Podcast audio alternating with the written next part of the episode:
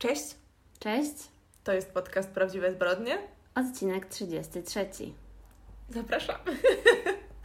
No dobrze, Karolina mi się już chwaliła, że ma nam coś do powiedzenia, także słucham. Nie, chciałam tylko cofnąć to, co powiedziałam jakiś czas temu, że wcale nie chcę jechać do Czarnobylu na wycieczkę. Mm. Czarnobyl? Już nie wiem, jak to się odmienia. To jest ciekawe. No nieważne. No bo do Czarnobyla? No też głupio brzmi. No, tak czy inaczej, tam. Mhm. Mówiłam, że nie chcę tam jechać, bo bym się bała. Ale jako, że ostatnio odkryłam, że na e, Apple Podcast jest podcast Czarnobyl, który wychodzi po każdym odcinku. I tam twórca tego serialu, który jest twórcą, producentem i scenarzystą, czyli, No, okej, czyli to jest one man show. Roz- Człowiek renesans. Tak, on rozmawia z jakimś tam dziennikarzem czy kimś, właściwie nie wiem kim jest ten drugi typ. Rozmawiają o tym, co się działo w odcinku. No i głównym założeniem było to, żeby mm, powiedzieć, y, co jest fikcją, a co faktycznie się wydarzyło. czyli Super co jest na pomysł. faktach. No, no ale to jest o tyle jeszcze bardziej ciekawe, że wychodzi na to, że tak naprawdę wszystko jest na faktach, Mm, tylko ten koleś tłumaczy w jaki sposób przez to, że on pisał scenariusz, czyli tak Mhm. naprawdę no, on wszystko musiał zaplanować. To był wszystko jego pomysł. No to pisze, jak tam zdobywał różne informacje i jak mm, na przykład, bo wiadomo, że tam parę osób jest fikcyjnych, ale ich postacie są oparte na prawdziwych osobach, które tam na przykład skondensował kilka osób w jedną. No tak jakby, no żeby to miało większy sens. Poza tym, że ten e, serial ma trwać, ma mieć tylko pięć odcinków, no to musieli też bardzo dużo rzeczy wyrzucić i tak dalej. No nieważne. W każdym razie on powiedział, że oczywiście pojechali na wycieczkę tam i, i że w ogóle ja w szoku byłam, bo on mówił, że no oczywiście tam jakby cały ten teren jest otoczony przez wojsko. Mhm. Aha, i jeszcze jedna nasza słuchaczka, e, którą pozdrawiam, Martyna, e, napisała też, że przecież ten typ z YouTube'a, ten taki mega popularny. Gonciarz. Gonciarz, on, on tam, on robił filmy e, Tak, tak, tak. w Czarnobylu, więc to też nie A oglądam. rzeczywiście, Boże. No, Ja nawet widziałam kawałek tego. no właśnie. I I też, też tam mnie nie dotarło. no ja też ostatnio, jak gadałyśmy o tym, też mi to w ogóle wyleciało z głowy, więc na pewno muszę to obejrzeć, bo nie tak, się, oglądałam. on się pcha zawsze w jakieś takie miejsca, no. No, no bo to by chyba było tam finansowane z tego jego Patronite'a. Mhm. W każdym razie ten em, twórca serialu opowiadał, że tam ten teren jest ogromny, jest otoczony przez wojsko, że tam nie można sobie po prostu wejść, tylko trzeba tam pokazać paszport i, i oni e, właściwie idąc cały czas przez ten teren, oczywiście z przewodnikiem, cały czas jest czujnik i oni też cały czas są To sprawdzani. co Ci mówiłam, No. że się na szyi nosi, no nie wiem, tego w końcu nie było chyba w ostatnim tym Nie odcinku. Chyba to wycięłyśmy, bo było to za długie, ale to Ci mówiłam, że wydawało mi się, że ludzie cały czas mają takie coś, co sprawdza, tak samo Mhm. pracownicy, nie? Tam No, no, no. ten... I właśnie on mówił, że cały czas tam sprawdzali jakby ich poziom napromieniowania, poza tym poziom napromieniowania, który jest y, wokół nich. Mhm. I tak samo jest przy wyjściu. I jeżeli okaże się, że jakaś osoba została napromieniowana, to musi zostać i oni muszą ją, wiesz, Tak, oczyścić. oczyścić z tego promieniowania.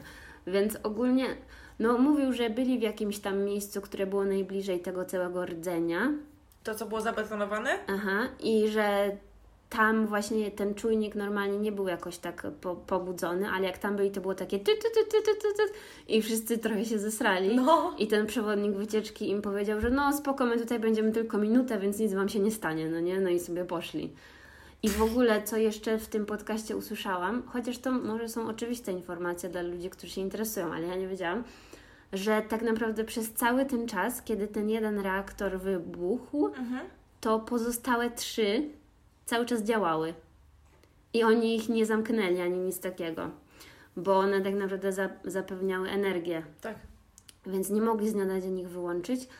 I wyłączali je stopniowo przez lata, i dopiero ten trzeci reaktor, ostatni, został wyłączony dopiero w 2000 roku. Co? Ja myślałam, że to było bardzo No. dawno temu.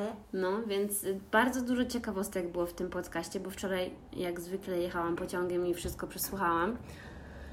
No, także naprawdę byłam bardzo podekscytowana tym i znalazłam właśnie, bo ten e, koleś opowiadał o różnych tam źródłach, z jakich korzystał, no bo też dużo książek na ten temat powstało. I właśnie jedną książkę sobie na Kindle ściągnęłam i mam zamiar ją e, przeczytać na moich super wczasach i nazywa się właśnie chyba Głosy Czarnobyla czy coś takiego. Mm.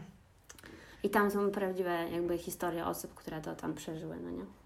Więc jestem po prostu mega zajarana tym serialem. Bardzo ciekawe. No. Maksymalnie. Cały czas o tym myślę. No w sumie no, się może zdarzyć jeszcze wiele razy. Nie? A jak Twoja gra o tron? A weź mnie nie wkurzaj. Jestem taka zła, już Ci wczoraj pisałam, y, dzień przed tym podcastem pisałam Karolinie, że nie wiem, y, po prostu nagramy to chyba w nocy, bo mam tyle rzeczy do zrobienia przed wyjazdem i nie mam czasu y, oglądać gry o tron i mam bardzo zła w ogóle. Ale mam nadzieję, że mm, w podróży sobie trochę nadgonię i w końcu będę mogła bo już naprawdę, już zobaczyłam jeszcze jeden spoiler wczoraj przez przypadek na Instagramie, na jakimś głupim memie i potem tak do mnie, to, na początku do mnie nie dotarło, co on oznaczał i po chwili tak chyba, chyba się zorientowałam Mhm. i już mi było źle, więc natychmiast muszę to obejrzeć, także jak mówisz mi o jakichś nowych serialach, to w sumie jest mi tak trochę przykro, bo nic ostatnio nie oglądam. Mhm. Nawet nie widziałam na dobre i na złe w środę, także no, a oglądam co tydzień. No dobra, to jaką historię na dzisiaj przygotowałaś? Tak, y, dzisiaj przygotowałam historię zainspirowaną Karoliną. nie no, Mhm, nie. To jest historia mojego życia. Tak, właśnie. E, dzisiaj poznacie inne oblicze. Nie no, po prostu nie miałam za bardzo em, weny, można powiedzieć. I zapytałam się Karoliny, tak jak już kiedyś w przyszłości robiłyśmy, nie, że Ty się mnie pytałaś, albo ja Ciebie, na jaki temat mamy historię, żeby może jakoś się dopasować. No i Karolina mi powiedziała, że będzie miała historię bardzo starą. Tak. Więc ja pomyślałam, no dobra, no to poszukam czegoś starego i starałam się też znaleźć coś z kraju, o którym jeszcze nie mówiłam w tym podcaście. E, No i znalazłam taką historię z czasów e, nazistowskich Niemiec z II wojny światowej. Mhm. Obawiam się, znaczy obawiam się, w sumie to nie jest nic złego, że to jest historia dosyć dobrze znana, ale może Ty jej akurat nie znasz. No dobrze, posłucham. Trafiłam na tą historię e, z historii innego zbrodniarza z tamtych czasów, bo jak pewnie wiecie, e, przez to, że mnóstwo, no w tamtych czasach w, w nazistowskich Niemczech, w III Rzeszy, może tak powiem, e, panował No, straszny, tak, straszny chaos, było No. bardzo dużo, po prostu okoliczności sprzyjały e, różnego rodzaju No ale zbrodniom. to też chyba Ty kiedyś opowiadałaś historię jakąś, która się działa w czasie wojny chyba, nie? Nas jakoś na samym początku podcastu. Tak, ale to było w Polsce. No, ale to, to też Tak, tak, tak, tak. tak. sprzyjało tam. Dokładnie, więc jakby tutaj było podobnie e, i ja trafiłam, po prostu kojarzyłam historię takiego, o nie wiem czy zdradzać, może jeszcze kiedyś opowiem, nie, to nie będę zdradzać, innego pana, który właśnie nazywał się Adolf i też był e, zbrodniarzem z tamtych czasów. Mhm. Historia, którą opowiem w zasadzie zaczyna się z początkiem wojny, dzieje się w Berlinie i jakby sprzyjającym, poza tym, że działa się wojna i był chaos, y, to mm, dzięki temu, że była wojna, y, dzięki temu, że była wojna, źle to brzmi, Przez to. przez to, że była wojna, no, mnóstwo mężczyzn y, było, zaciągało się do wojska, tak, czy też byli do tego zobligowani. Mhm. I jakby nie było ich w domu. Poza tym było coś takiego jak, jak taki rozkaz, żeby gasić wszystkie światła, taki blackout powiedzmy, żeby y, przeszkadzało to wojskom wrogów w nalotach, Mhm. bombardowaniach i tak dalej. No i właśnie, tak jak mówiłam, to wszystko stricte związane z wojną y, bardzo pomagało y, różnego rodzaju zbrodniarzom, złoczyńcom, złodziejom i tak dalej. Gdzieś znalazłam w którymś z artykułów taką wzmiankę, że w sumie nie nie myśli się o tym, że, że, że w tym czasie, jak Trzecia Rzesza tam prowadziła te swoje, te, te, te, te swoje oblężenie Europy, to, to w tym czasie ludzie w Niemczech wiedli, powiedzmy, takie w miarę normalne życie. No? Próbowali tam, nie wiem, chodzić do pracy i tak dalej. No i właśnie niestety takim normalnym osobom było bardzo nie na rękę to, co się wszystko działo. W 1940 z, zaczęły ginąć kobiety. Mhm. Pierwszą z takich e, ofiar, e, znaczy jedną z pierwszych z takich ofiar była Gerda Dieter i jej ciało zostało znalezione w październiku 40. Została najpierw uduszona, a potem jeszcze tak dźgnięta kilka razy nożem dla pewności. E, I to było w jej domu, z tego co pamiętam. I to się tak kontynuowało, i tych e, zabójstw było coraz, coraz więcej. I one wszystkie miały, i naprawdę były bardzo, bardzo często, jakby co kilka dni na przykład. e, Czasami raz się zdarzyło tak, że było dwie kobiety w ten sam dzień znaleziono. I tak jak ta pierwsza ofiara, czy też uważana za pierwszą, była właśnie znaleziona u siebie w domu, to już kolejne bardzo często zostawały mm, znalezione w okolicy na przykład torów. Wszystko było jakby związane z pociągami. Ale, że tak powiem, jeszcze wrócę na chwilę do początku. Najpierw była ta Gerda i potem tutaj była trochę dłuższa przerwa, bo chyba pomiędzy pierwszą a drugą ofiarą było dwa miesiące przerwy. Natomiast między drugą a trzecią to już tam było coraz, coraz, coraz mniejsze, bo to się chyba, kolejne chyba zdarzyły się w grudniu. 4 grudnia dokładnie i to była Elfrid, Elfrid Frank, która umarła, po prostu ktoś ją walnął w głowę takim em, żelaznym prętem i wyrzucił jej ciało z jadącego pociągu.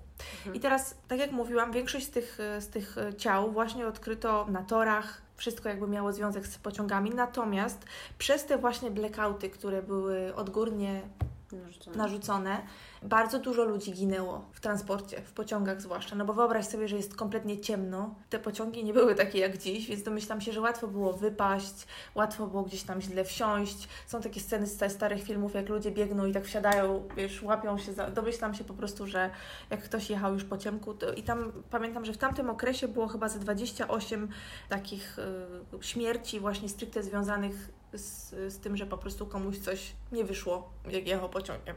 Więc było tego bardzo dużo i na początku ciężko było oddzielić, która z tych ofiar rzeczywiście została y, w jakiś sposób zaatakowana, a kto po prostu Miał wypadek. miał wypadek, tak, w jakichś takich, wiesz, okropnych okolicznościach. Y, potem była y, kolejna ofiara, to była Irmarkt Frese I, i na przykład ona z kolei została zaatakowana na ulicy i została zgwałcona i y, po prostu pobita na śmierć. Później 22 ym, grudnia czwarta ofiara to była jakaś Elizabeth Bangenger i jej ciało również znaleziono przy, przy torach i trzeba pamiętać o tym, że czasem było tak, że te ciała wyrzucone z pociągu gdzieś tam lądowały obok i jakby rodziny dostawały te ciała w całości, a czasami było tak, że te ciała wpadały pod inny pociąg. Aha. No właśnie.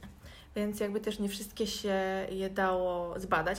Sześć dni później, czyli 28 grudnia 40 roku, policja odnalazła Gertrude Sie- Sieve, no te nie, nazwiska niemieckie to jest tragiczne. W każdym razie kolejną ofiarę, bardzo przepraszam, nie jestem specjalistką od niemieckiego, e, która również została napadnięta i wyrzucona z pociągu. Ona przeżyła. Oczywiście została niezwłocznie odwieziona do e, szpitala, ale niestety tam kolejnego dnia umarła Mm. y, i nie zdążyli od niej z powodu tych y, różnych obrażeń, których doznała i niestety nie zdążył nikt z nią porozmawiać, ponieważ z tego co wiem, e, nie ocknęła się w ogóle. To samo y, powtórzyło się 5 stycznia, także tak jak Ci mówię, no po prostu ten, ta osoba nie traciła czasu.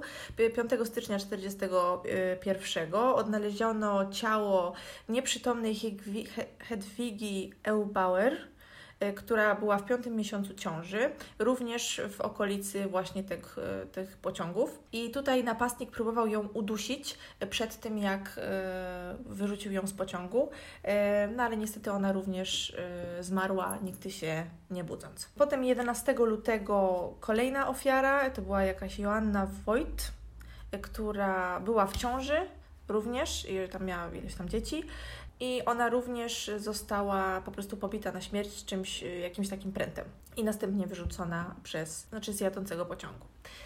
E, No więc w końcu jak policzyli, że te siedem ofiar zginęło w dosyć podobnych okolicznościach, no to się zorientowali, że to jednak jest, chyba mają jednak do czynienia z seryjnym zabójcą. Mhm. I tutaj niestety policja miała problem, dlatego że nie była w stanie w żaden sposób uprzedzić kobiet, które samotnie podróżowały w nocy pociągiem podczas tych blackoutów, dlatego że no tam ten e, minister do spraw propagandy Goebbels Mhm. jakby zakazał, wydał takie oświadczenie, które y, też chyba do prasie, y, które jakby limitowało ich możliwości pisania na ten temat, natomiast wiadomo, no jakieś tam plotki po mieście krążyły i teraz policja, żeby pomóc, czy też starać się pomóc i starać się odnaleźć znaleźć tego mordercę, po prostu policjanci zaczęli się przebierać za kobiety i jeździć tymi nocnymi pociągami. A, to podobnie jak. Tak. No, w sumie często tak, tak. Y, a potem zaczęli też wysyłać policjantki. I co ciekawe, w jednym artykule wyczytałam, że te policjantki nie miały przy sobie żadnej broni, tylko na głowie miały, miały nakrycia głowy, jakieś tam kapelusze i inne rzeczy, które były jakby wzmocnione od środka, że jakby ktoś się zaczął walić po tej głowie,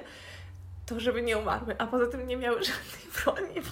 tak gdzieś napisali. Mnie to, znaczy ja teraz się śmieję, ale co za debil to wymyślił. Mm, to było, Proszę, mm. idźcie i y, bądźcie przynętą, ale... Y, hmm, ciekawe. Jakiś straszny absurd. Może zakładali, że nie wiem, że one potrafią po prostu się obronić, tak wiesz. No bardzo możliwe, wiesz, jakimś tam... Karate. Karate, samoobrona. Natomiast nie wiem, czy takie rzeczy były tak posunięte w tamtych czasach, żeby, uczo- żeby uczyli policjantów, wiesz, jakiejś tam fizycznej walki bez żadnej broni. No nie mam w sumie pojęcia. W każdym razie e, również e, zorganizowano takie grupy wolontariuszy, to byli kolejarze głównie, którzy mieli odprowadzać samotne kobiety do pociągu i wiesz, gdzieś tam je pilnować, żeby nikt ich, broń Boże, tam nie napadł w, w okolicach e, dworców. Hmm? Mhm. Stacji kolejowych znaczy się. Ale jakimś, przepraszam, dziwnym trafem Żadna z funkcjonariuszek ani żaden z policjantów nigdy nie trafił na nikogo, co chciałby ich zaatakować. Ciekawe, prawda? No, ciekawe. Skoro tych zabójstw było tyle, że po prostu co kilka dni znajdowali nowe ciało albo. Ale oni podstawili się w pociągu. Tak, oni jeździli pociągami, tak. No, no ale stamtąd znaczyło, że były. Nie powinni w pociągu. No, nie. no dobra, w każdym razie. Ale nie kojarzy Ci się z niczym ta sprawa? No, póki co nie. No i teraz y, policjanci mieli kilka oczywiście hipotez. Pierwsza, no to wiadomo, jesteśmy w nazistowskich Niemczech, czyli Żyd, to jest raz. Y, no ludzie. Dwa, y, myśleli, że, bo tam były dla, dla kolei pracowali jacyś robotnicy przymusowi, czyli jakby w Niemczech byli obcokrajowcy, którzy byli robotnikami przymusowymi i oni pracowali gdzieś tam właśnie Na dla kolei. Polacy. Nie, wiesz co, nie wypisywali jakie nacje, natomiast domyślam się, że, że byli to y, również i Polacy. No i oczywiście w końcu zaczęli się zastanawiać, że kurczę, może to jednak był pracownik kolei. Dlatego, z, z, że z zeznań jednej z kobiet, która przeżyła atak, wynikało, że y, jej, y, nie, ona nie była w stanie jakby podać na tyle szczegółów, żeby stworzyli jakiś rysopis, no bo przypominam, było ciemno, nie świeciły się żadne światła, no ale pamiętała, że miał na sobie mundur pracownika kolei. Mhm. Tak. A więc bardzo Cię to cieszy. Nie próbuję jakoś tak, wiesz, za, za, zachować napięcie, ale no, w każdym razie. No przykro mi, ja nie wiem w ogóle o co chodzi. No to bardzo dobrze. Ja się bałam, że znasz po prostu tą sprawę, dlatego chyba się tak cieszę, że od razu nie skojarzyłaś. Nic na ten temat nie wiem. No ale tych wszystkich pracowników przymusowych i pracowników kolei było mnóstwo, więc to wiesz, naprawdę była taka praca żmudna. E, no więc zabrali się za przesłuchiwanie tych tam 5 tysięcy kolejarzy, bo chyba tyle ich było mniej więcej. E, I przesłuchania zaczęły się w lutym 41 i trwały chyba do lipca.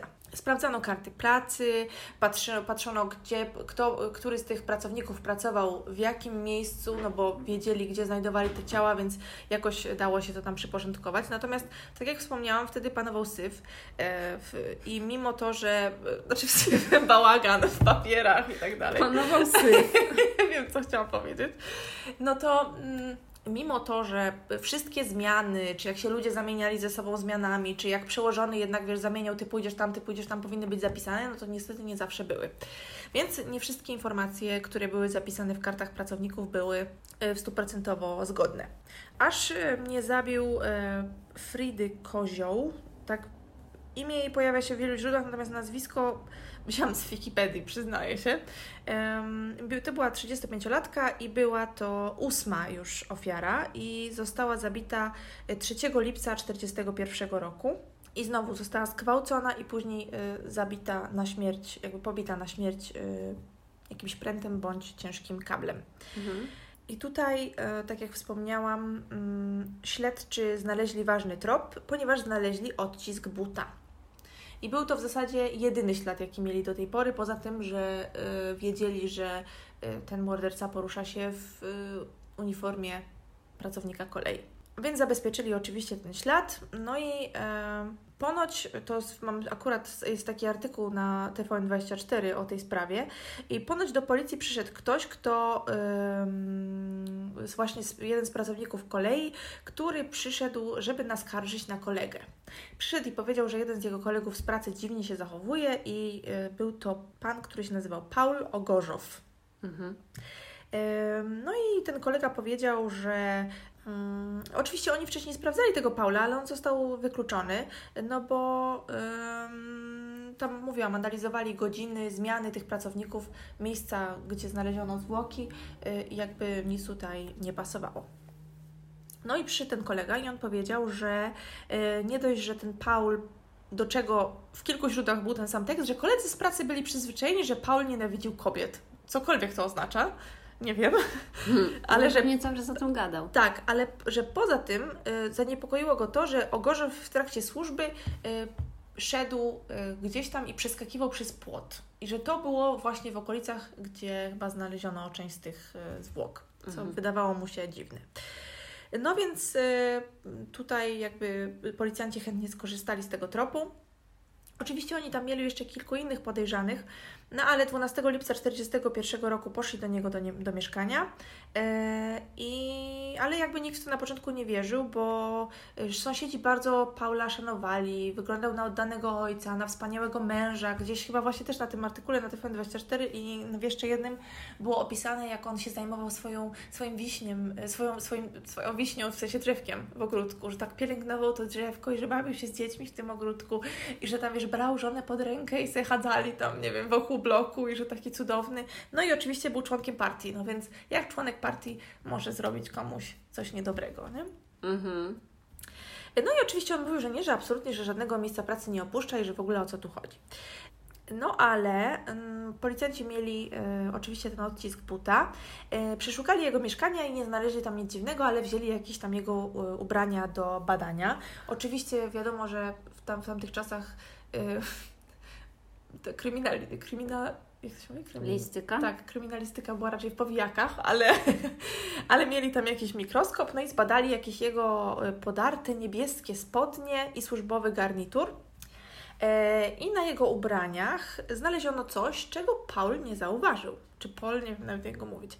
W każdym razie pod mikroskopem znaleźli krople krwi, malutkie, takie naprawdę malutkie, i stwierdzili, że muszą to być ślady ludzkiej krwi. Tak napisali właśnie w tym artykule TVN24. Szczerze mówiąc, nie wiem po czym oni poznali, że to były ślady ludzkiej krwi, tak tylko patrząc pod mikroskopem, bo się nie znam czy wtedy już to było możliwe, żeby to stwierdzić. No ale Paul miał, e, Paul miał przygotowaną bajeczkę, powiedział, że żona chorowała i krwawiła i on się nie opiekował, żona potwierdziła jego wersję wydarzeń, a on jeszcze dla bezpieczeństwa powiedział, że tak w ogóle to się skaleczył i pewnie wytarł paluch w ten swój, wiesz, w to swoje ubranie. Mhm. No. No tak, bo na pewno nie mogli zbadać, do kogo ta krew należała. No wtedy nie mogli. No. W 41. No wiem, wiem. No. Dlatego w sumie można było takie bajki wymyślać cały czas. No właśnie. No tak. No i jak to nazwali ładnie na Wikipedii, yy, że Ogorzow często miał te swoje mizoginistyczne komentarze, jak oni to nazwali. I ponoć też yy, był zafascynowany samym zabijaniem. Yy, I to właśnie y, zaniepokoiło tego kolegę. Poza tym przeskakiwaniem przez płot i wtedy w ogóle Ogorzew coś tam zaczął się kręcić i mówił, że tak w ogóle, że owszem, że on wychodził z tej pracy, przeskakiwał przez ten płot, ale to dlatego, że on szedł y, do swojej kochanki, bo miał romans yy, i że ta kochanka to była jakaś tam żona jakiegoś ważnego żołnierza, wiesz, tam pewnie z Wehrmachtu czy skądś tam. Dlatego na początku nie chciał nic mówić. Aha, i potem co oni zrobili? E, zaczęli pokazywać, on oczywiście mówił, że nie, że to nie on, że w ogóle nic takiego nie zrobił, a oni zaczęli mu pokazywać yy, podczas przesłuchań czaszki Mm-mm. tych swoich ofiar. Yy, I ponoć wtedy on zaczął mówić. Wiesz, nie wiadomo tak naprawdę, może oni go tam lali, wiesz, trzy dni z rzędu, no to w końcu zaczął gadać, no ciężko powiedzieć w tamtych czasach zwłaszcza, ale w kilku źródłach była ta sama informacja, że jakby pokazywali mu to co, to, co zrobił yy, i on właśnie wtedy zaczął, zaczął mówić. Natomiast on stwierdził, że yy, jest chory psychicznie. On sam tak stwierdził. Tak, on stwierdził, Aha. że jest chory psychicznie, ponieważ choroba psychiczna wykształciła mu się po chorobie wenerycznej, którą miał. Twierdził, że chorował na rzeżączkę i że dostał właśnie tej choroby psychicznej przez to, że leczył go żydowski lekarz i on go leczył jakimiś dziwnymi metodami. Nie. Tak. O, e... Czyli rozumiem, że przez ten właśnie argument ta sprawa przeszła do historii. No chyba tak. No i oczywiście tutaj lekarze, dziwne to było i to jest potwierdzane w wielu źródłach, że w tak piękne wytłumaczenie nikt mu nie uwierzył, no bo zrzucił wszystko na żydowskiego lekarza, który y, leczył go dziwnymi metodami. No to. Pff. No dziwne, że to nie przeszło. No, ale właśnie nie przeszło i wszyscy tam stwierdzili, ci, ci biegli, że to jest niesamowicie wyrochowany człowiek, który dla wiesz, zaspokojenia swoich e, popędów jest w stanie zrobić wszystko i że on to świetnie sobie ukartował to wyjaśnienie i w ogóle nikogo nie obchodziło e, to jego, to, to jego jakieś tam tłumaczenia. Ale to nie był, te, te, pierwsze morderstwa to nie był początek kariery Paula. Y, Paul urodził się w 1912, był dzieckiem y, z nieprawego łoża i potem w jego życiu wyjaśnił, wy, wy, zdarzyło się coś dziwnego, czego ja do końca nie rozumiem, ponieważ w 24, jak miał 20 lat, został adoptowany przez Johanna Ogorzowa, y, który właśnie mieszkał niedaleko Niemiec i tam pomagał temu swojemu przybranemu ojcu na farmie, ale ponoć bardzo mu tęskno było do dorosłości szybko się przeniósł i tam zaczął pracować gdzieś indziej. Przez chwilę był też w armii yy, i potem zapisał się tam do partii i zaczął pracować w kolejach i tam się piął po szczeblach, aż został tym panem, który się tam przechadza po pociągu i tam, nie wiem, sprawdza bilety czy coś tam, nie? Mhm. No ale chyba zaczynał z tego, co pamiętam, jako pracownik fizyczny. I nie bardzo rozumiem, bo potem, w, czy, potem aha, tak, tak, i on właśnie przyłączył do partii w, w 31, jak miał 18 lat. E, I też tam się w tej partii zaczął e, piąć. I w 37 wyszedł za mąż za Gertrudę Ziegelman, która była sprzedawczynią, troszeczkę starsza od niego, mieli e, syna i córkę. I na początku mieszkali u jego matki, więc ja nie bardzo rozumiem. On był z tą matką przez ileś lat, bo jeszcze tam gdzieś w jakichś źródłach było wspomniane coś o jego dziadku, potem został adoptowany przez jakiegoś typa, a potem z powrotem mieszkał u matki. Nie bardzo rozumiem o co No, co... ale mogło tak być, no czemu nie? W sensie może po prostu ten mężczyzna jakieś miał tam związki albo z rodziną, albo był jakimś znajomym, albo coś i stwierdził, że go weźmie pod swoje skrzydła. No właśnie nic tak nie było napisane, wiesz, jeszcze przejął w ogóle jego nazwisko, bo on się z domu nazywał inaczej. Aha. Z domu się nazywał... Nie, ja myślę, że może być tak. Czemu nie? Saga. Jego matka się nazywa Saga. No w każdym razie, mimo to, że też w, w, kilku miejscach znalazłam, że ogólnie w pracy był bardzo chwalony na tej kolei. Że był, wiesz, bardzo obowiązkowy, że nie trzeba było dwa razy niczego powtarzać, że wiesz, pomocny i w ogóle wszystko pięknie, więc nie wiem, a potem piszą, że koledzy byli przyzwyczajeni do tego, że nienawidził kobiet. O co tu chodzi? Nie bardzo wiem. Może to było normalne kiedyś, że mówiono, mówiło się takie rzeczy o kobietach, że tam ich, nie wiem, ich nienawidzi, że Cię wkurzają, że chcesz im zrobić krzywdę, gwałcić czy cokolwiek. Wiesz, też nigdzie nie ma tak naprawdę napisane. Wszystkie filmy, jakie znalazłam na jego temat, były po niemiecku niestety. Znaczy wszystkie, tam było kilka jakichś materiałów tylko. Mhm. Więc może jak ktoś zna niemiecki, to nam powie coś, coś więcej. Mm.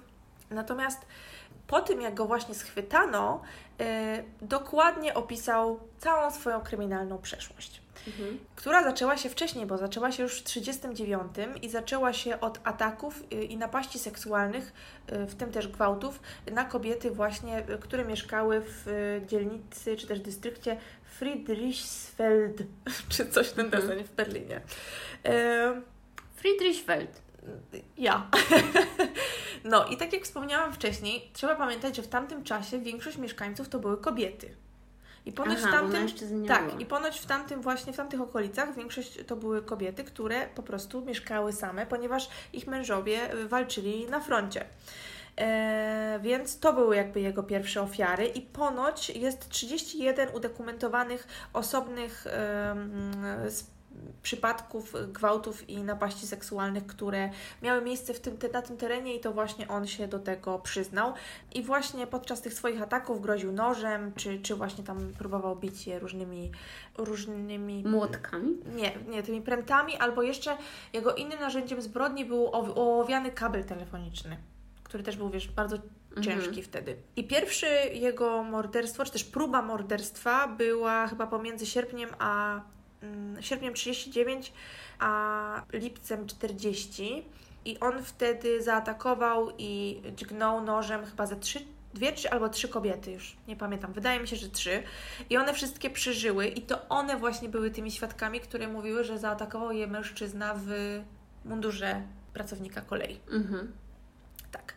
No i tak jak już mówiłam, y, jego wytłumaczenia na temat tej rzeżączki, która spowodowała jej chorobę psychiczną i wszystko przez złego Żyda, oczywiście nie została przyjęta przez nikogo i został skazany na śmierć. I, I został uznany wrogiem ludzi według tego, bo oni tam mieli, nie? Enemy, tak się, nie wiem, czy to po polsku tak chyba nie funkcjonowało, ale Wróg, jak powiedziałaś? wróg ludzi? Wróg ludu. Lud, o, o, może tak to się mówiło, nie? Bo tam jest enemy of the people, to... to Wróg ludu. no. W każdym razie tak, to, to właśnie wróg ludu e, prze, według tych, według III Rzeszy i został e, skazany na śmierć przez e, e, obcięcie głowy, czyli tą gilotynę, w więzieniu 26 lipca 1941 roku. Dwa dni po procesie. Tak, i sąd ostatecznie uznał go winnego za 8 zabójstw, czyli wszystkie te 8 ofiar, o których powiedziałam, 6 nieudanych prób morderstwa i 31 gwałtów. O wow. Mhm. No to dobrze, że się go pozbyli. Tak. To ja mam, ja na dzisiaj przygotowałam bardzo, bardzo zamierzchłą historię. A to wszystko dlatego, że ostatnio z moimi super studentami rozmawialiśmy na temat portretu Doriana Greya. O, jedna z moich ulubionych książek, no. No. Em, Proszę, strasznie się podnieciłam jakoś tym faktem.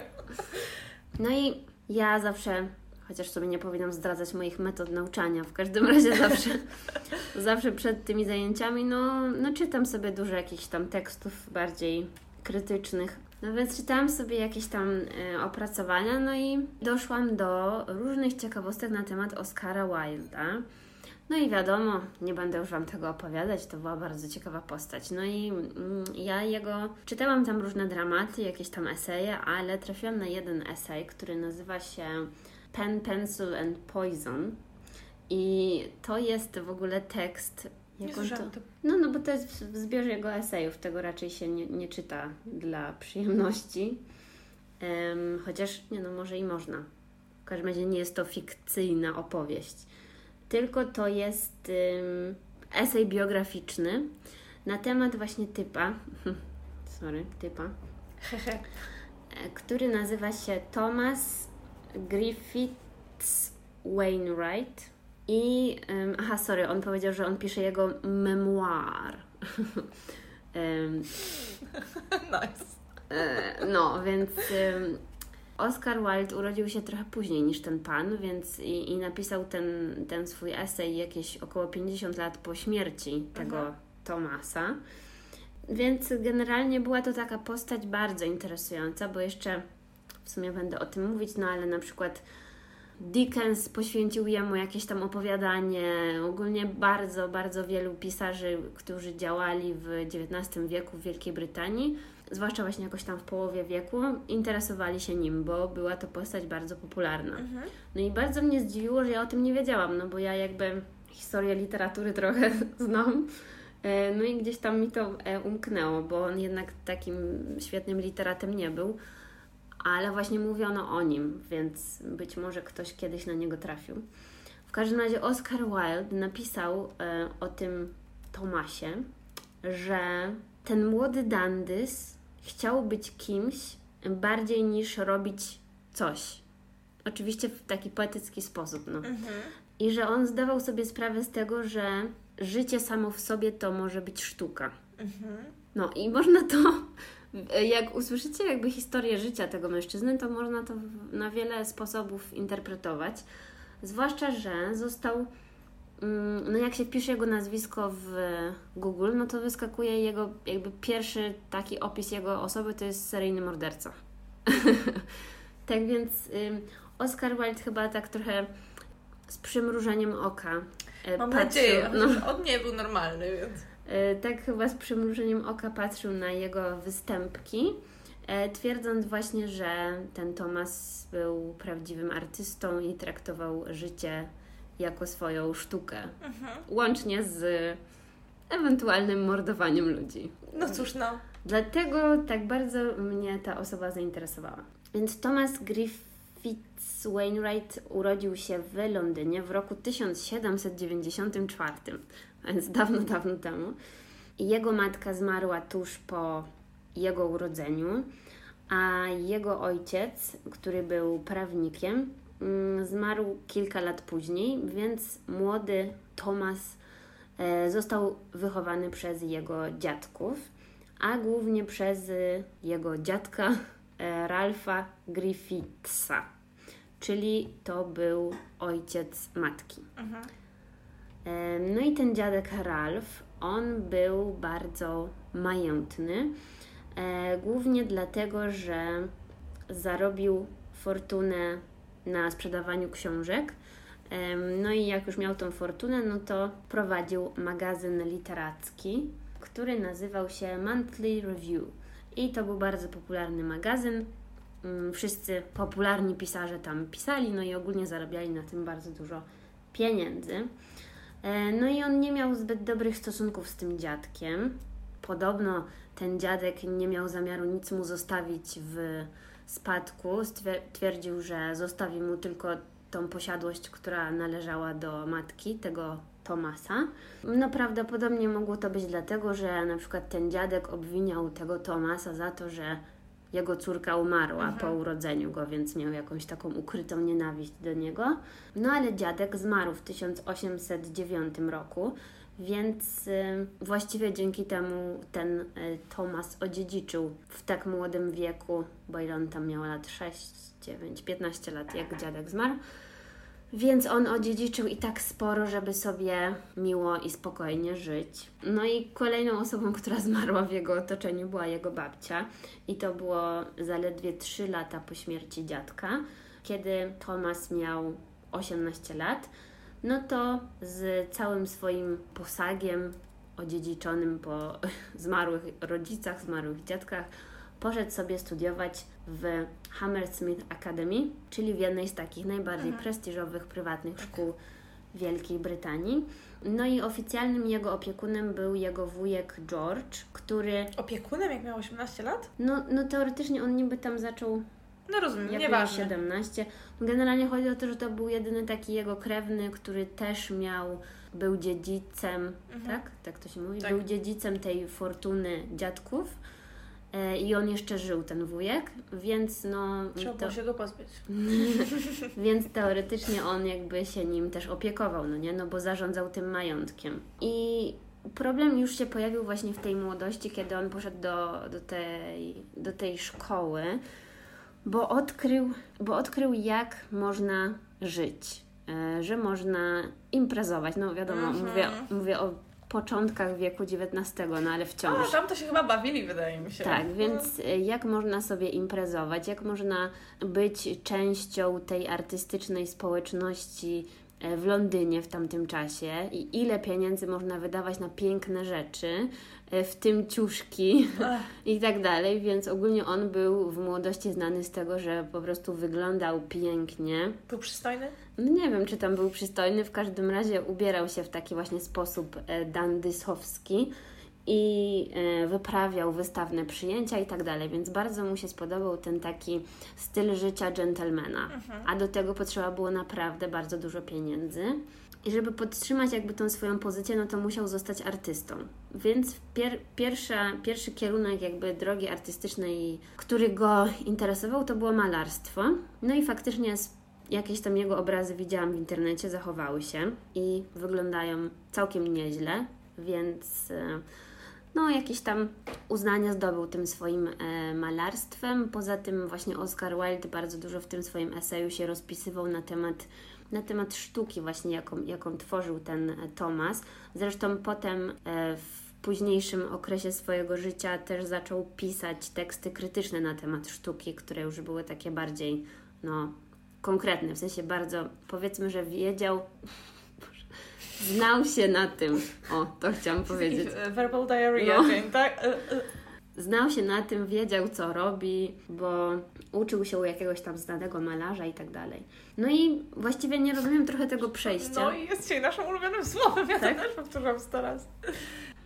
Więc trochę sobie tam malował tych obrazów i nie wiem właśnie, bo nie ma tak dużo takich dokładnych, szczegółowych, sprawdzonych informacji na jego temat, no bo koleś żył bardzo, bardzo dawno Tak. temu. Więc nie rozumiem tego przejścia, bo z jednej strony był w, tym, był w tej szkole, uczył się u malarza, jakby doszkalał się, tworzył swoje obrazy i żył w Londynie i był dandysem, a z drugiej strony poszedł do wojska. Nie rozumiem tego przejścia, ale tłumaczyli to w tych różnych tekstach, że nie, bo chodzi o to, że on chciał pójść do wojska. Ja rozumiem. Bo chodzi o to, że on się wkupił tak No, jakby no, no, do no, tego tam wojska. trzeba, trzeba było sobie wykupić, tak. Tak. Tak, ja wiem. No. No. Aha, czyli rozumiem, że to dobry był trop myślowy, że po prostu on chciał podwyższyć jeszcze bardziej swój stan. Wydaje mi się, że tak, oczywiście. No, chociaż, yy, no bo wiem, że też nie było tak chyba tanio sobie, sobie kupić miejsce Tak, no bo tam, gdzie ja czytałam, było napisane, że on właśnie musiał to wykupić i nie rozumiałam, o co chodziło w sumie. Aha, no to czyli to się zgadza z tym, że on po prostu wciąż dbał o, o swoją aparycję i spoko było być na tym jakimś tam wyższym szczeblu, więc on chciał się tam wkupić. Ja tak to rozumiem, no. No. E, Ale to nie spełniło jego oczekiwań, bo on chyba chciał jakoś spełnić się na froncie, ale z tego co właśnie czytałam, to e, on spędził w tym wojsku niespełna rok i nigdy nie wyszedł na, na front. pole bit- No bitwy. tak, na pole bitwy. E, I tak jakby został odesłany, Mhm. że nie, widocznie może tam stwierdzili, że nie nadaje się do tego kompletnie i jemu tylko zależało na tym, żeby mieć ładny mundur. E, więc go Polerował odesłali. buty całe dnie. Tak, więc y, jego odesłali do domu po roku. To musiało być dla niego jakieś wielkie rozczarowanie, bo zanotowano w jego biografii, że wtedy miał załamanie nerwowe. Och. Czyli przeżył po prostu depresję, albo udawał, że ma pou- Tak. pourazowy jakiś tam stres, albo po prostu było mu bardzo przykro, że no, chciał zrobić coś ze swoim życiem, ale A mu to nie dupa. wyszło. Tak, więc wrócił do Londynu i wynajął sobie e, pokój w jakimś tam pensjonacie. No na Mhm. pewno to nie był byle jaki. E, no i ten pensjonat prowadziła pani Frances Abercrombie. No i ta pani e, żyła tam ze swoją e, rodzinką. No i oczywiście tam przyjmowała różnych pensjonariuszy. Mhm. E, No i, ży- i żyła tam też jej córka Eliza, która miała 18 lat. No i kiedy Thomas zobaczył Elizę, no to od razu się w niej zakochał i dwa lata później wzięli ślub. No. Więc w sumie poszczęściło mu się, że akurat ten pensjonat sobie wybrał. Dwa lata? Strasznie długo. Ile ona miała lat? 18. Ciekawe, może pani miała coś przeciwko. No nie wiem. No ale to była dobrana para, tak czy inaczej. No i jeżeli kojarzycie z lekcji historii, to mniej więcej pomiędzy No, dawaj, dawaj te fakty historyczne. Pomiędzy 1811 a 1820 był okres regencji. No i to ma tyle wspólnego z, ze stylem życia Tomasa, że jak rozumiem, był to taki dość luźny okres. I właśnie on bardzo dobrze się w to wszystko wpisywał, bo mógł w tym czasie właśnie wydawać te swoje przyjęcia, zabawiać się, kupować sobie ładne tkaniny, otaczać się tymi super przedmiotami i tak dalej. No i wydawać swoje pieniądze cały czas. A przypominam, że no, nie była to studnia bez dna, Mhm. bo miał jakiś tam ograniczony budżet. No ale właśnie chyba ten czas y, tak został też y, zapamiętany, że ludzie wydawali pieniądze, których nie mieli. Mhm. Więc on też był jedną z tych osób. No ale w pewnym momencie zaczął, zaczął mu się kurczyć budżet. Bo jego rodzina tak zaprogramowała ten spadek, żeby Mhm. on otrzymywał e, 250 funtów rocznie. Oczywiście na tamte czasy no to tak, było to bardzo mnóstwo dużo pieniędzy. no. No i to zapewniało jemu i tej jego żonie Elizie spokojne, dobre życie jako taka średnia, wyższa klasa. Mhm. Tylko, że oni chcieli więcej. No, da. No i poza tym, że wydawali cały czas pieniądze, no to popadali w długi, więc Mhm. potrzebował natychmiast jakichś pieniędzy, żeby te swoje długi spłacić, no bo już tam się dobijali do drzwi. No i miał w banku te wszystkie swoje pieniądze, ale nie miał pozwolenia, żeby on, jako on, pójść i je odebrać. Tylko właśnie ci jego wujkowie mieli, Tak. e, mieli pozwolenie do tego całego majątku. E, więc on wymyślił tak, że po prostu z, sfałszuje podpis, Mhm. więc no jakiś tam papier musiał wypełnić, sfałszować jasne. podpis, e, podać się za kogoś innego, poszedł do banku, przedstawił to, no i wziął całe te pieniądze. Mhm. A za tego typu oszustwo w tamtym czasie można było stracić życie. Tak. To było bardzo, no, ryzykowna akcja. No ale on nie wziął, nie był na tyle głupi, żeby wziąć cały ten majątek z banku, więc wziął tylko część. No i pierwszy raz on sfałszował ten podpis w roku 1823. No i to wystarczyło mu na niespełna rok, bo To grubo poszalał, no. tak, bo w roku 24 powtórzył to Mhm. i wtedy już wyczyścił totalnie to całe konto. To znowu nie starczyło mu na długo, więc zaczął wysprzedawać e, cały swój rodzinny majątek, no bo ten dziadek miał bardzo bogatą bibliotekę z różnymi wartościowymi Pozycjami. Poza tym on też e, kolekcjonował sztukę do tego czasu, kiedy mógł, więc miał jakieś tam wyjebane w kosmos No, obrazy. ale wyobraź, jak mu musiało być przykro, jak musiał się z tym rozstawać. Tak, no więc, no ale o tyle dobrze, że chociaż wydawał te pieniądze na rzeczy, które, no w pewnym stopniu, które można było potem jakoś z, Spieniężyć. spieniężyć. No ale trzy lata minęły, 1827 i on i Eliza nie mieli już pieniędzy, żeby żyć w Londynie. Więc, a to naprawdę była bardzo duża fortuna, którą oni mieli wcześniej do dyspozycji.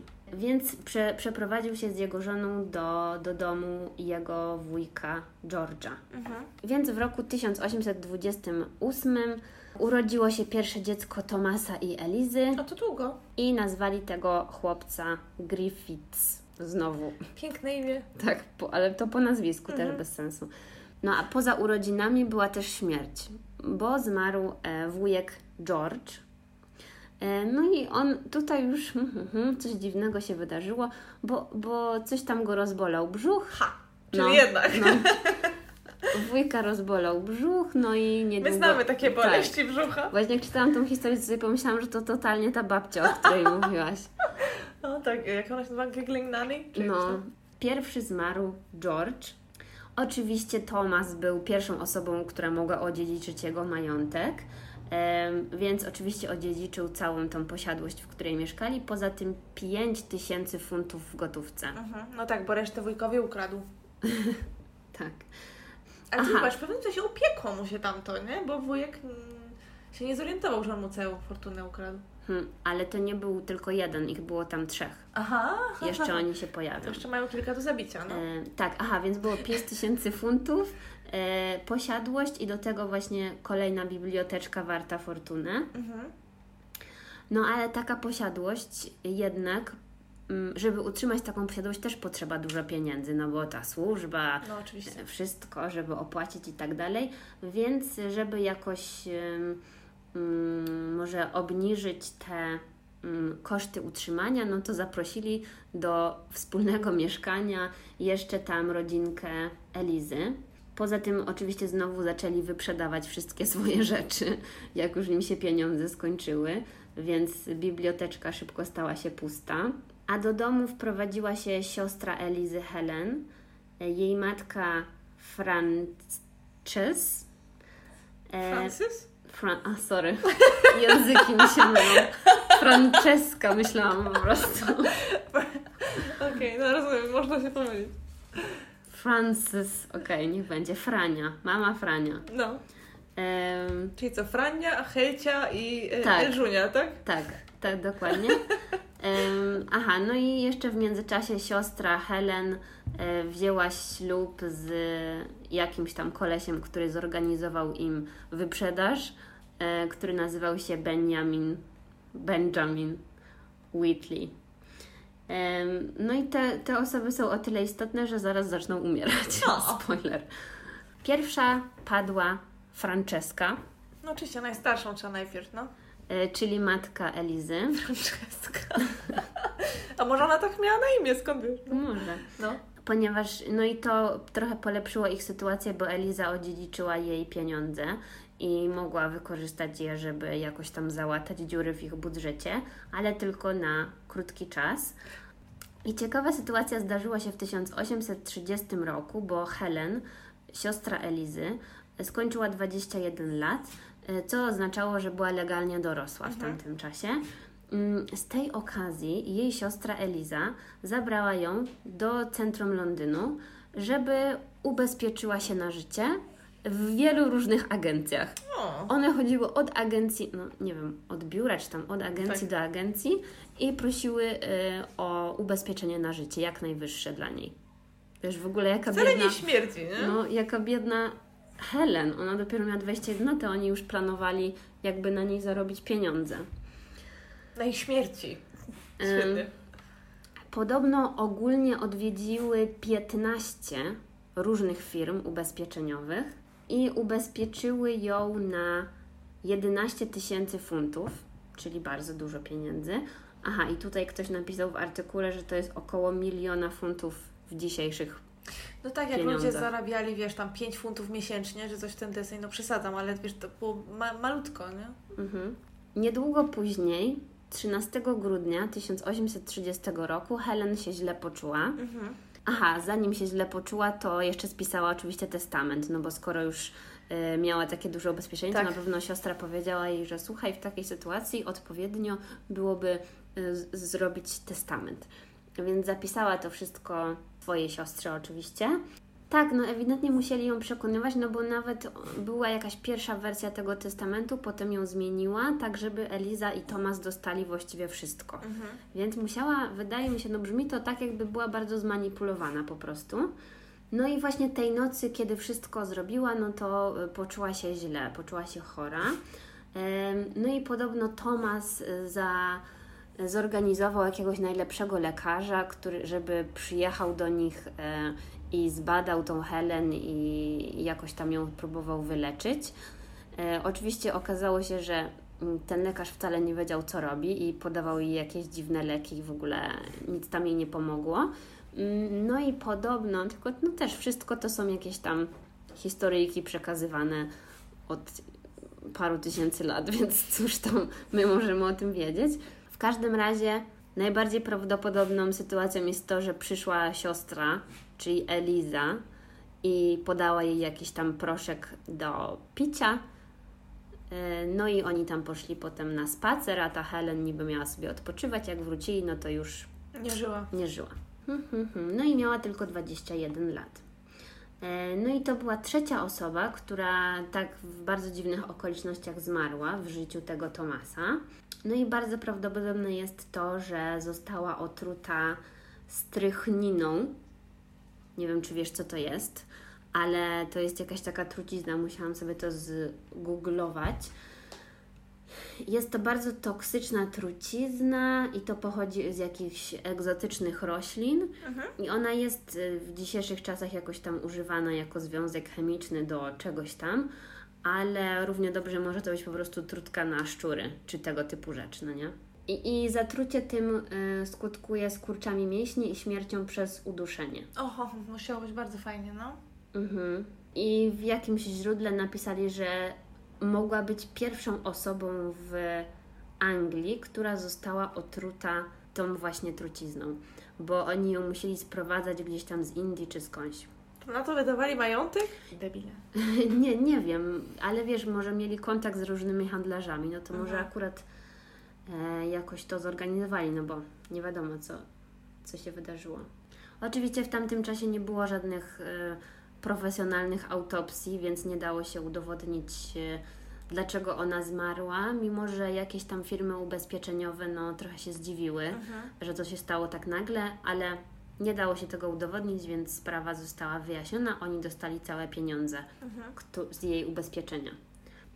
Ale ta sytuacja nie była i tak dość e, no, taka wygodna, no bo już ludzie zaczęli plotkować, więc e, na jakiś czas Thomas wyjechał do Francji. Z drugiej strony być może też miał romans z jakąś kobietą, która mieszkała we Francji, ale to też nie jest wyjaśnione. E, Z kolei jego żona i syn zostali w Londynie. No i Thomas został we Francji na parę lat, a jego żona w tym czasie z dzieckiem żyli naprawdę w biedzie.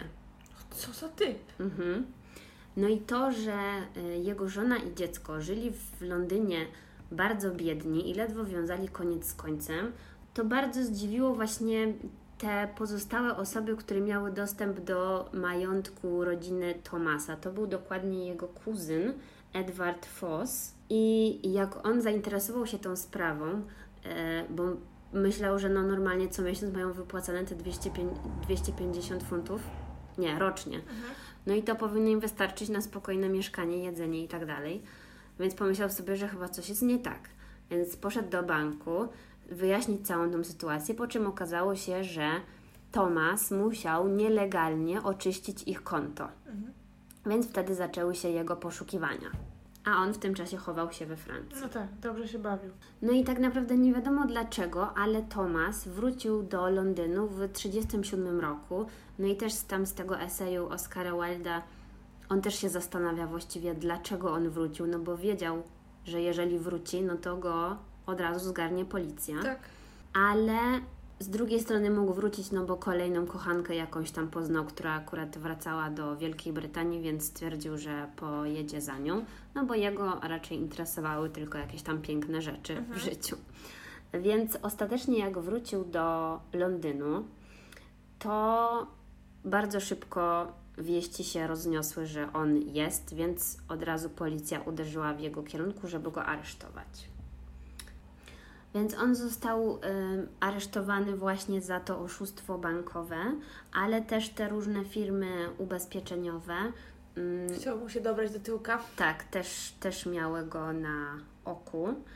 Ostatecznie oskarżyli go o oszustwo. E, No i to było na tyle mocne, że, że groziło, gro, mogła mu grozić śmierć. Mhm. Ale ostatecznie jakoś tam wyszło, że został skazany na, na dwa lata. Aha, to albo śmierć, albo... No to ładnie. No, ładnie mu się upiekło. Tak, no bo, ym, bo w tym, aha, właśnie, w tym czasie, kiedy on został skazany, no to też był, z, jakieś tam zmiany w prawie zachodziły, więc w końcu w tym momencie właśnie, kiedy mieli go skazać, no to ta kara śmierci za oszustwo finansowe została zniesiona. A, no to spoko. Więc z jednej strony to, z drugiej strony, że był znany i popularny i czarujący. Czemu ja mówię, no to spoko, przecież on zabijał ludzi wcześniej. No? Aha, ostatecznie oni postanowili go y, odesłać do Australii i to miała być dla, dla niego taka kara. Aha. Więc tam miał, ym, właściwie chyba nie było powiedziane na ile lat on tam ma jechać, ale generalnie, że ma opuścić Anglię i pojechać do Australii. I tam, y, tam był osadzony w więzieniu i miał tam pracować gdzieś przy drodz- drogach, Przy budowie, no. przy budowie dróg i tak dalej, ale jakoś się wkupił em, w łaski, bo znowu był taki czarujący i potrafił Mhm. zabajerować, więc ostatecznie pracował w różnych szpitalach i Mhm. tak jakby odpracowywał ten swój wyrok. I właściwie w chyba w roku 45, czyli tak naprawdę ja nie wiem, czy on nawet 10 lat spędził na tych e, robotach, został zwolniony. Tylko, że jakby zwolniony, ale żeby żyć w Australii, no nie? okej. Nie mógł wrócić do, do Anglii. No i przez to, że żył e, w tych wszystkich więzieniach i szpitalach, pracując w kiepskich warunkach, no to dwa lata później zmarł. Zmarł w wieku 53 lat. Aha, i cały czas e, nie przyznawał się do żadnych zarzutów, jakie tam mu e, dawali. A co z dzieckiem? Jak ten Tomasz został tam oskarżony i skazany, to jakieś takie zawirowania prawne nastąpiły, że bank musiał zwrócić te pieniądze, które on ukradł, więc e, ostatecznie ta żona i dziecko z powrotem dostawali jakąś tam pensję. Przecież ta żona źle zrobiła, przecież to ona zatruła siostrę swoją. No i teraz można się właśnie domyślać, jak to wszystko było. No, wydaje mi się, że oni musieli być taką dobraną parą i na pewno ona mu jakoś tam pomagała. Ja mówiłam to fajnie przez to dziecko biedne, nie? Bo przecież ono niczemu niewinne. No, wydaje mi się, że ona mu pomagała i że to ogólnie był ich plan, Aha. żeby się tych niewygodnych osób pozbywać, bo na pewno chcieli żyć w dostatku. Mhm.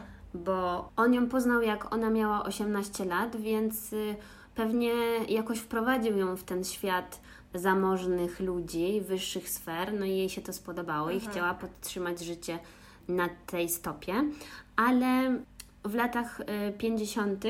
XIX wieku ona z tym synem Griffithem y, przeprowadzili się do Kanady. A, okej. Nie wiem w ogóle z jakiej paki do Kanady, ale taką znalazłam informację. No, ogólnie dużo ciekawostek na jego temat jest w internecie, więc możecie sobie poszukać. Ja na pewno poszukam. Na, na Instagramie możemy wrzucić jakieś tam obrazy, bo raczej zdjęć nie będzie. No, i tyle. No. To dzisiaj taki y, odcinek ze starymi sprawami. Mam nadzieję, że było interesująco, chociaż trochę. I co? W następnym odcinku już myślę powrócimy do normalności. Zobaczymy. No, to dziękujemy za uwagę. Do usłyszenia. Do usłyszenia.